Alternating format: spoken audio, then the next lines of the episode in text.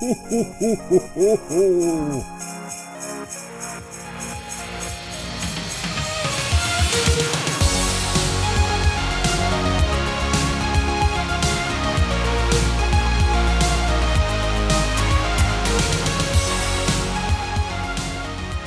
Hej och välkomna till podcasten Här pågår föreningsidrott med mig Johan. Och med mig Marcus och vi jobbar på RF SISU. Och idag så har vi med oss Linn i, från Umeå. Kul att du är med oss Linn. Hej hej, kul att vara med igen. Hur står det till eh, i Umeå idag? Men det är bara fint tack. Det går ju mot, eh, mot jul. Eh, vi har ju ha, har det mörkt här uppe, men då är det alltid, alltid trevligt med lite julljus som börjar lysa i alla fall. Mm, de lyser upp rätt bra i Örebro också i det grådaskiga vädret som gör att det är mörkt dygnet runt här också skulle jag vilja hävda. Vi eh, fastnar som vanligt och pratar väder när vi egentligen ska prata om någonting annat så att jag tänker att eh, vi går in på dagens ämne istället. Där ska vi prata om sociala medier och hur man kan bli schysstare på sociala medier, eller hur? Mm, precis. Jag har eh, pratat med två unga tjejer som startade ett ungdomsföretag för två år sedan som heter Hanna och Amalia. Eh, och nu så, förutom att de har sitt egna, egna företag, så eh, jobbar de också som utbildare för oss på RFSISU Västerbotten och pratar om pratar med både vuxna och barn om hur vi kan bli schysstare, skapa ett schysstare klimat på sociala medier. Hur pass efterfrågad är den här frågan, upplever du, bland idrottsföreningar? svårt. De är fortfarande ganska, ganska nya utbildare hos oss, men känslan är att de som bokar dem blir jättenöjda eh, och inser ju kanske i samma stund som man faktiskt lyfter frågan hur viktig den är. Och varför är det viktigt att jobba med de här frågorna inom just idrottsrörelsen?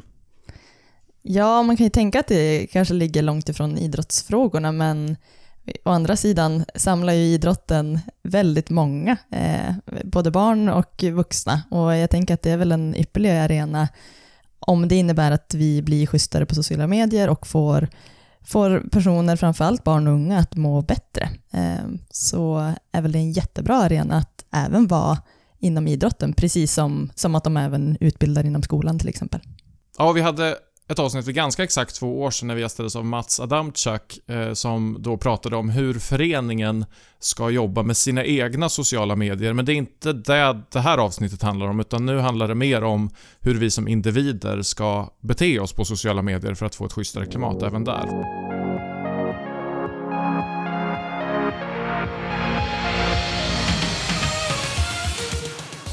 Hej Hanna och Malin, vad kul att ni eh, ville vara med i vår podcast Här pågår föreningsidrott.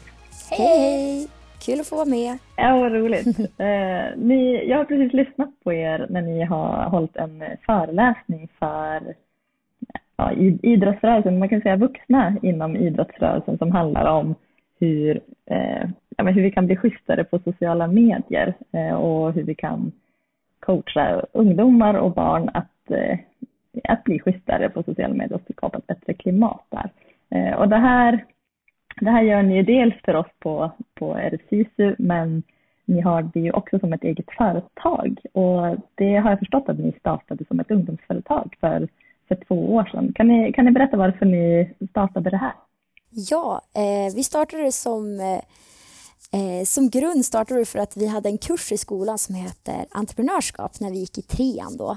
Så vi startade hösten 2018 blev det ju. Eh, då vi skulle, ja men, vi skulle komma på en idé på vad ska vi göra som UF-företag.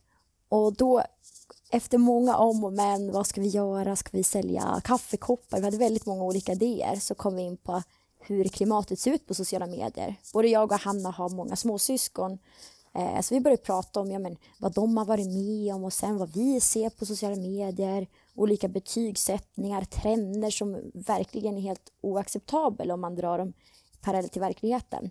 Språket, hur det ser ut. Och då sa vi, ja, men, ska vi börja prata om det här för att försöka få någon förändring på det? Eh, så det var så det började och nu har vi hållit på ungefär i två år. Precis, det var väldigt, väldigt lärorik och innehållsrik.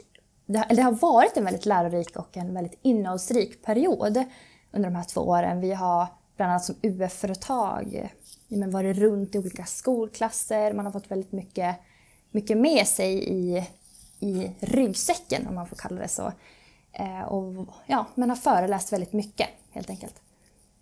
Mm, ja, och jag har ju som jag sa precis eh, fått lyssna på en eh, och den riktar sig till, till vuxna med fokus på föräldrar eller vuxna som befinner sig i barns, barns närhet eh, och där ni, där ni pratar om hur, hur vuxna kan bli bättre på att stötta barn eh, kring sociala medier. Eh, för ni har ju dels, dels det spåret och så har ni även en utbildning som riktar sig direkt mot barn, visst är det så? Det stämmer bra. Eh, vi började faktiskt med det här konceptet kring barnföreläsningar i och med att vi insåg att barn behandlar inte varann schysst på sociala medier. Eh, och det var där liksom mor och kärnan fanns, att vi, vi ska gå ut och prata allvar med barn. Vi, vi vill liksom förklara att vad ni gör på sociala medier faktiskt har betydelse för vad andra känner och hur andra mår. Eh, och sen vart det väldigt, ett väldigt bra och genomgående koncept när vi även kom på att men gud, föräldrar har ju faktiskt ansvar över barnen och för att det här ska fungera så måste vi prata med föräldrarna också. Eh, så att den här barnföreläsningen går mer in på, vi försöker prata med barnen om hur är man schysst på sociala medier, vad är okej, vad är absolut inte okej att göra. Och precis, Amalia är väldigt duktig på att använda det här uttrycket men att koppla allt man gör på sociala medier till verkligheten. Jag gillar när Amalia säger så att gör man så här på, i verkligheten? Nej, det gör man inte. Då ska man inte göra så här på sociala medier heller. Det är ett väldigt roligt eh, uttryck som jag kommer ihåg som vi brukar använda, men det är faktiskt sant. Vi försöker liksom få dem att förstå att det är samma värld vi lever i och att sociala medier måste liksom, det måste finnas gränser där också. Mm. Den här frasen gillar jag, den nämner jag rätt ofta. Jag håller med. Föreläsningen för barn skulle man kanske inte kalla, eller vi säger ju föreläsning men även också som en, mer en workshop. I och med att vi försöker involvera barnen och låta dem tänka. Använda sin egen tankekraft och tänka och försöka förstå för att de själv ska kunna skapa sig en insikt i vad är det som faktiskt är rätt och fel. Så vi har ju mycket övningar, bland annat en fyrhörnsövning, en kommentarsövning och sådär. Men vad är, vad är, vad är problemet då på sociala medier? Vad gör barn på sociala medier då? Ja, Eh, jag kan väl börja gå in på det. Vi har ju, för det första om vi säger, vi brukar gå in på lite olika appar på just olika problem där. Sen vissa av problemen ser vi ju generellt på alla sociala medier. Till exempel språket, hur kommentarer skrivs och hur, hur man använder könsord, eh, svordomar och fula ord, kalla varandra. Eh, och det här spelar ingen roll om man skriver kommentarsfält på TikTok eller på Instagram. Det är ju också i privata chatter, privat till personer eller i gruppchatter. Kollar man liksom på äldre också kan det vara i mejlkonversationer, hur språket ser ut.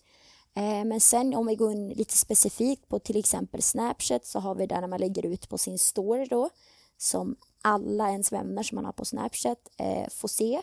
Där har vi någonting som vi brukar ha som rubrik betygssättning, bedömning. Där barn lägger ut på sin story och de har liksom tråkigt där hemma, sitter de efter träningen och så lägger de ut, skicka två namn så betygsätter jag vem som är bäst eller sämst. Eh, och då är tanken att ja, men mina kompisar skickar två namn, Hanna och Linn och så ska du välja vem som är bäst och vem som är sämst. Olika sådana lekar som man kallar en lek. En lek ska väl vara roligt, men sådana här lekar, det enda de gör är egentligen att trycka ner en person och lyfta upp en annan person i antingen betygsättande, betyg, betyg eller utseende, förlåt, eh, eller ja, men hur personen är eller vad den har gjort. Liksom. Jag tycker det sammanfattar det väldigt bra. Och just poängtera, alltså lyfta den här osynliga mobbingen som alla typ går runt och tror inte finns, men i själva verket så består sociala medier av väldigt mycket osynlig mobbing. Mm. Att det är enklare att hata anonymt bakom en skärm än vad det är att göra i det verkliga livet. Mm, och just det här också att det inte, det liksom inte, det syns inte på samma sätt om man är taskig genom en skärm och skriver saker gentemot skolgården eller i klassrummet eller kanske på en träning framför tränarna. Utan det blir väldigt diskret och alltså det skyms väldigt mycket från den från vuxenvärlden. De får inte ta del av det på samma sätt. Och just, men det finns ju mycket olika saker. Bara det här med att smygta foton på varandra och skicka runt. Och det är väldigt lättillgängligt allt. Att, att kränka varandra på olika sätt. Ja, man kan ju säga att idag är det väldigt enkelt att vara en smygmobbare. Förut var det väl mer klassat, ja, men den där personen är oschysst. Det ser man ju, den slår ju den andra. Men nu sker ju inte liksom, det är inte slagsmål som förekommer idag utan det är liksom slagsmål i själen i, kopplat till sociala medier, hur man kränker varandra där.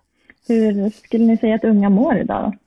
Innan vi liksom gjorde våran barnföreläsning så var vi inne rätt mycket på det här med, med psykisk ohälsa bland barn och unga i Sverige men också i vår hemkommun och konstaterade ganska, ganska så snabbt att den psykiska ohälsan har ökat drastiskt bland barn och unga i Sverige.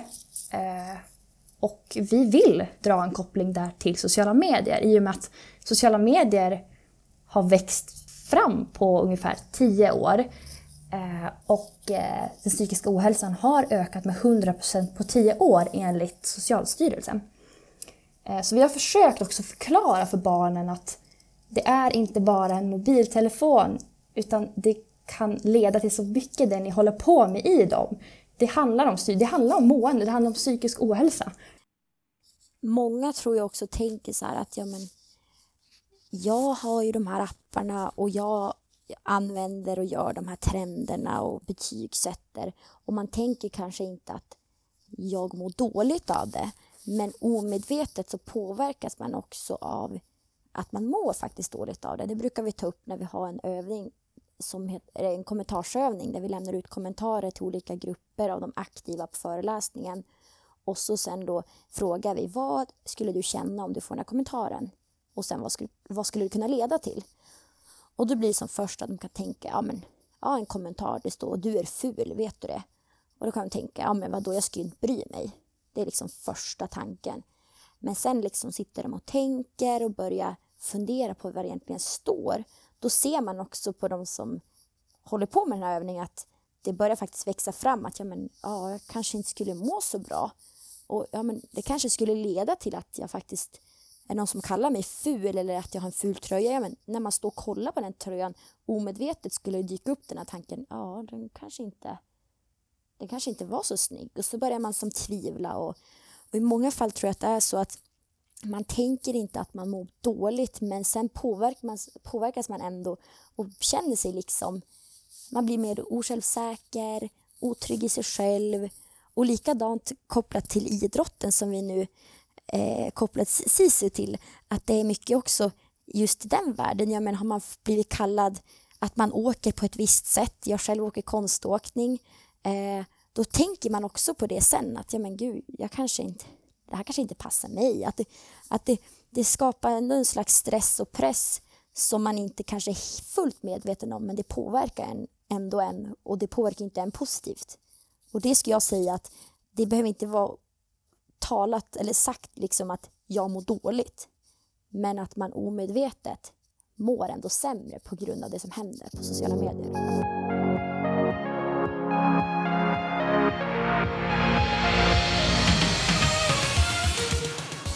Så ni jobbar ju dels mot, mot barn och ungdomar för att ja, visa på det här med, med mobbing, trakasserier, hot, hat, det här dolda eh, och få dem att reflektera och ja, både själv kanske reflektera över de år men också hur de agerar mot, mot andra. Och sen har ni den här föräldra-vuxen-biten. Jag hörde er uttrycka tidigare att den digitala lekplatsen skapar ett gap mellan ungdomar och vuxna. Eh, kan ni förklara lite närmare vad ni menar där?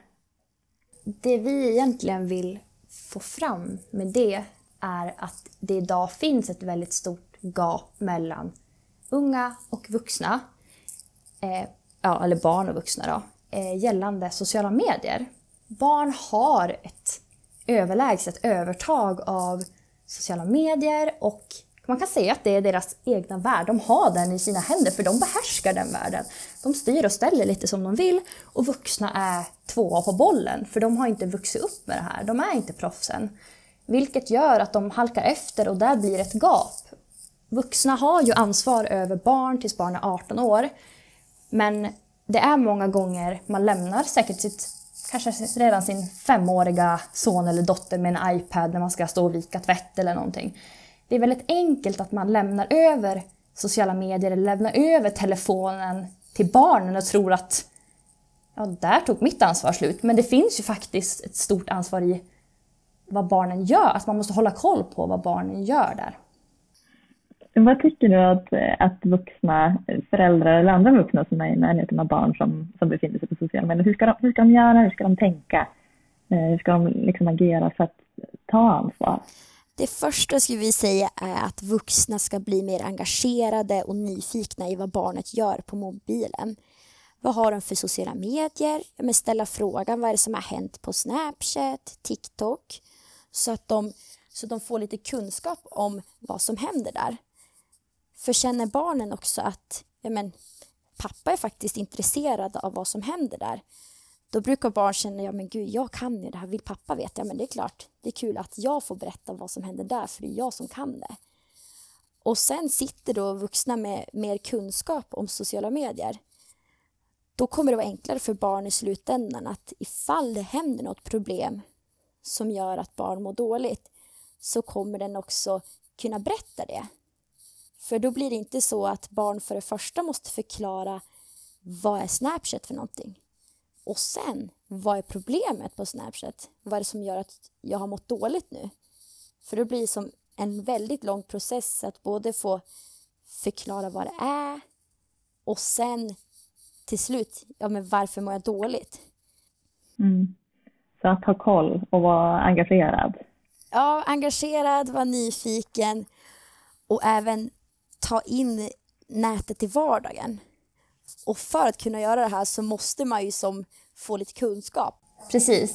Sen tänker jag också så här, ju mer kunskap man har desto bättre är det absolut. Men bara att ha en, ö, alltså en grundläggande kunskap gör ju väldigt mycket det i sig. Om du liksom kan överraska eller förvåna barnet lite grann med att starta en dialog kring Snapchat eller starta en fråga barnet, ja men har du kollat på TikTok idag? Var det någon som vad var bästa dansen du såg? Eller någonting vid köksbordet till exempel.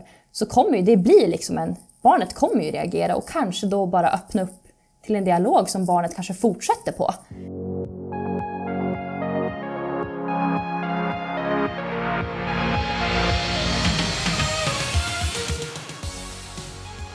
Ni eh, pratade även lite grann om vad, vad ni tänker att en idrottsförening kan tänka på när det gäller eh, vad man som, som förening eller som föreningsrepresentant gör för sociala medier och hur det kan påverka barn och unga. Vad, vad tänker ni där? Eh, ja, det jag tänker, eller det vi har pratat om som vi även tog upp nu på föreläsningen innan, eh, det är just det här med från styrelse och ledarhåll i en klubb, att man tänker på hur man lägger ut på sina sociala medier. Eh, många klubbar eh, brukar man kanske lägga ut på när någon har gjort en extra bra prestation. Man har, eh, det kanske är mer i individuella sporter när man lägger ut specifikt på en aktiv. Eh, när de har vunnit någonting, en tävling. Men då kanske inte det sker varje gång när alla åkare i klubben har gjort någonting bra utan bara när vissa. Och det här är liksom, ja, men det kan man dra, till, dra som likhet till det vi pratade om betygssättning, bedömning på stories på Snapchat. Att man man betygsätter och ger bättre till andra och sämre till andra. Barn kopplar liksom det här till det vuxna gör också. Jaha, de pratar om den där prestationen som den gjorde, att den vann en tävling i Stockholm, men inte om den andra.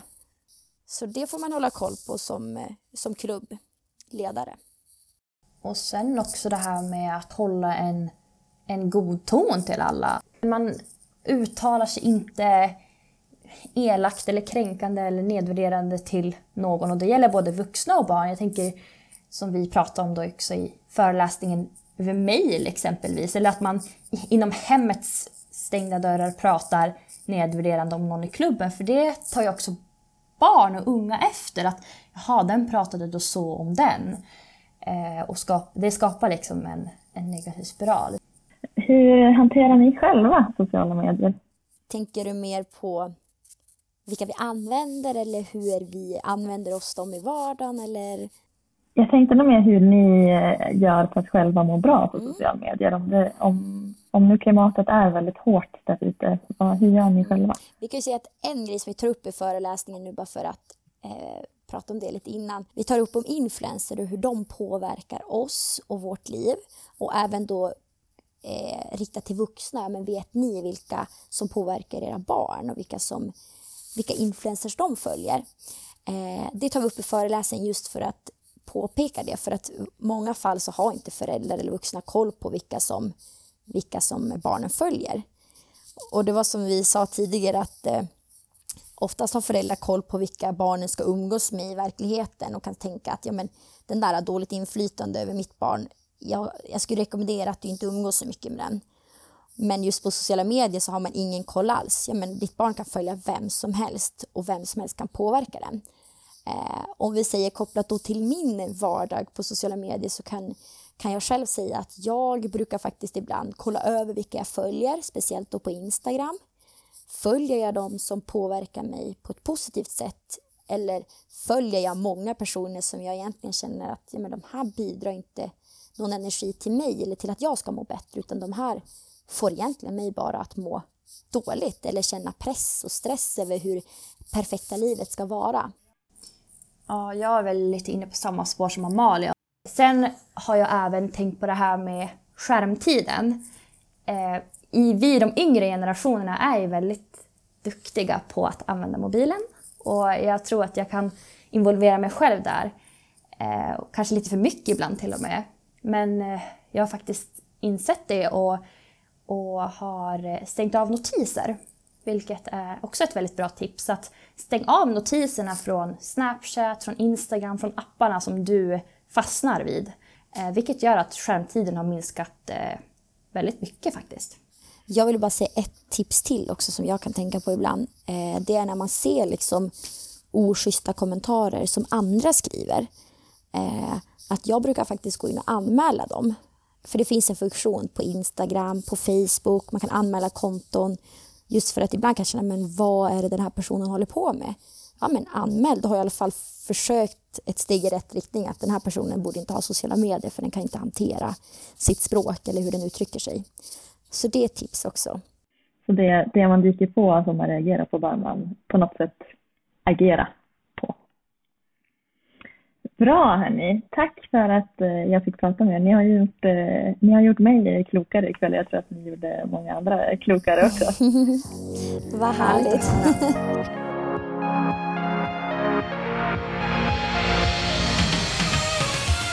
Ja, då är vi tillbaka och jag vänder mig som vanligt direkt till dig Linn och hör, eh, tar du med dig något speciellt ifrån ditt samtal med Hanna och Amalia? Jo, men det gör jag. De, eh, det är uppenbart att de vet vad de, vad de pratar om när de eh, pratar om klimatet på sociala medier och hur barn och unga idag mår. Eh, de säger till exempel att ja, men mobbing och trakasserier och hot och hat har ju såklart alltid funnits och tidigare kanske stannat på skolgården eller idrottsföreningen men, men att det ju idag har flyttat in på barn och ungdomars skärmar. Eh, och det gör det kanske osynligare, eh, svårare att ta på, men också lättare att dölja. Eh, så det, ja, det är väl det första så här, läskiga tycker jag, att, att det inte är, är lika synligt och kanske svårare, svårare att agera på. Eh, vad tänker ni när jag säger så? Ja, Ja, eh, till viss del håller jag verkligen med. Att det, blir, det ställer ju högre krav på vuxna att kanske förstå sig på en värld som är svårare att förstå sig på. Eh, eller där man inte har ägnat så mycket tid själv i alla fall. Skolgården har vi varit på och kan liksom känna igen signaler ifrån när vi själva var unga. Eh, men Snapchat har liksom inte funnits så länge så att man har inte samma erfarenheter av det ifall man är äldre och man har framförallt inte använt det som tonåring ifall man idag är 40. Eller ännu äldre. Men det jag ändå kan reagera på är när vi pratar om det här som någon typ av osynlig mobbning, att det blir att man nästan kan förlåta sig själv, att det här går inte att se. Men eh, enligt mina erfarenheter som tränare och det här med en väldigt stor del självkritik också, så finns det signaler som man kan snappa upp det här. Och hade man varit mer medveten i mitt fall om att just det, de här hörs hela tiden via den här Snapchat-gruppen som de hade i det här laget, Eh, så hade jag kanske kunnat börja förstått att där, det är kanske där det händer någonting. För att jag, det fanns signaler i verkliga livet, verkligen. Så att, att kalla det för osynlig mobbing känns eh, som att vi ja, som vi ursäktar oss själva lite grann. För att jag tror verkligen att vi som vuxna kan se det här ändå. Mm, ja, men och det, det lyfter ju Hanna och Amalia också, att eh, det känns som att grejen med deras, deras utbildningar, både mot barn och mot vuxna, är ju att minska det här gapet. Eh, de beskriver så här, att det har skapats ett gap mellan ungdomar och vuxna kring den här digitala lekplatsen för att för att vuxna som inte har vuxit upp med sociala medier på samma sätt inte förstår sig på verktygen eller funktionerna eh, eller har koll på vad som händer där. Eh, och de, när jag har lyssnat på deras, deras föreläsning mot vuxna så säger de väldigt tydligt så här, ja, men för att förstå ditt, ditt barns digitala vardag så måste man ta del av den. Eh, och det är väl precis det du är inne på Johan, att för att, att man måste som vuxen ta ansvar för att kunna upptäcka den här eh, mobbingen då, eller eh, hoten, haten, anledningen till varför ett barn eventuellt mår, mår dåligt. Ja, precis så. Det, oftast så är ju inte det här någonting som stannar heller, utan det blir ju oftast, eskalerar ju ofta till att hända saker i det verkliga livet. I, i vårt fall så blev det, det uppdagades när det blev slagsmål på träningen mellan två stycken som tydligen har varit i luven på varandra ganska ordentligt på Snapchat under en ganska lång tid. Så för hela laget så var det här ingen överraskning överhuvudtaget, för de har ju sett hur de här har kommunicerat med varandra. Men för oss som tränare bara va? Äh, liksom kände inte till den här relationen överhuvudtaget för att vi inte hade koll på vad som hade hänt på sociala medier. Tror du att det är lättare eller svårare? För det var ju, då var ju du i en ledarroll Johan här. Eh, och som ledare att bli aktiv i sina utövares sociala medier och det som händer beteendemässigt när de kommunicerar med varandra. Eller som förälder, liksom. kan det vara lättare till och med för en ledare att bli aktiv? Är det lättare att öppna sig för en ledare tror du? Eh, ja, det är möjligt. Det jag tror att det är svårare kanske att få en inblick i en enskild individs aktiviteter på sociala medier. Eh, men däremot att liksom känna till vad det finns för forum som en spelare kommunicerar med varandra tror jag är superviktigt att man försöker sätta sig in i. Och som eh, Hanna och Amalia säger, alltså öppna dialogen för det. Att se, se till att Eh, Eh, det finns utrymme att prata om det här. Att det ska vara naturligt att eh, en naturlig del i, i en lagutveckling. Att vi pratar också sociala medier. Vi pratar inte bara att vi ska komma i tid till träningen och hur vi ska vara på själva träningsplanen. För att jag tror att det påverkar så pass mycket de ungdomarna som, som eh, man har i sina lag. När jag lyssnar på det här avsnittet så får jag ju en hel del, eh, alltså det, det väcker en del tankar och dels så att få höra det här ifrån ändå rätt unga personer som pratar om det här som är uppvuxen med sociala medier som inte jag är. Och jag är inte speciellt aktiv själv i de sociala medierna. Och när jag använder det så är det mer, om man nu kan prata om traditionella sociala medier med Facebook och Instagram som har funnits ett bra tag, har inte koll på de här Snapchat och de kanske lite mer nyare eller som många yngre använder. Och de säger det såklart och tydligt här att ja, men, sociala medier är en del av verkligheten som framförallt barn och unga lever i. Vi kanske, eller om jag går till mig själv så använder jag det mer som en kommunikationssätt eller informationsspridning. Jag, jag umgås ju inte med folk på sociala medier på det här sättet. Mm, och det där är säkert jättesvårt föreställer jag mig. Nu har jag, har jag själv ett väldigt litet barn än så länge. Jag har inte riktigt, riktigt kommit dit i min föräldraroll. Men Hanna och Amalias budskap är ju framförallt att, som du var inne på Johan, börja prata om det eh, och visa att man är intresserad och engagerad, bryr sig, så att det kanske blir lättare för ett barn som eh, mår dåligt av någon anledning eller att någonting har hänt på sociala medier att lyfta det för att de känner att man som vuxen ja, men förstår och, och bryr sig och som sagt är intresserad. Ja, det finns ju också något jättefint i det här med att man kan sätta sig i, i en ställning som vuxen där man låter unga lära eh, sig själv istället. Alltså någon som är yngre, eller ens barn i det fallet, eller ens eh, spelare eller utövare i ett lag eller en träningsgrupp. Och det där tror jag att vi kan använda ännu mera inom idrotten. Ja, verkligen. Det är en jätte, jättebra poäng. Eh, de lyfter ju också det här med att vuxna kan tänka över vad man själv är för förebild. Eller egentligen, de, de lyfter det ända från, från idrottsföreningen i stort. Vad gör idrottsföreningen på sociala medier? Vad lyfter man fram? Vad signalerar man är viktigt? Eh, de kopplar det till exempel till menar, att barn och ungdomar idag upplever prestationskrav, eh, det är mycket mätning, bedömning och då kan man ju fundera kring om man som idrottsförening vill spä på det genom att kommunicera väldigt mycket kring vinster, prestationer, tävlingar eller inte. Eh, och samma sak som ledare eller som annan vuxen i barnets närhet fundera igenom vad man själv gör, hur man beter sig på sociala medier och hur mycket skärmtid man har till exempel. Ja, det här är ett ämne som jag tror många ledare kan tycka är lite svårt att ta i eh, och mycket där man pratar om här är att, att eh, liksom Eh, egentligen våga lyssna på sina idrottsutövare. Eh, det är mycket det Hanna och Amalia säger. Och passande nog så nästa veckas avsnitt kommer ju handla precis om det, nämligen Folkhälsomyndighetens utbildning, ledare som lyssnar. Så tycker ni att det är lite svårt och vet kanske inte hur ni ska initiera de här samtalen med ungdomar kring sociala medier eller andra saker, så eh, Ja, då, då kommer det ett nytt avsnitt nästa vecka där ni kan lyssna. Eller så kan man gå in på ledare som lyssnar redan nu och, och genomgå utbildningen.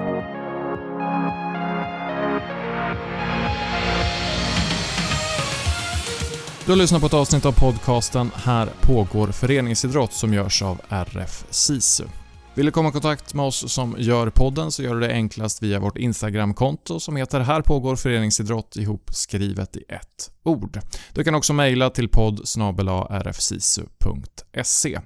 Vi är tillbaka igen med ett nytt avsnitt nästa vecka, då alltså om utbildningen ledare som lyssnar som har gjorts av Folkhälsomyndigheten. Missa inte det, hoppas vi hörs då.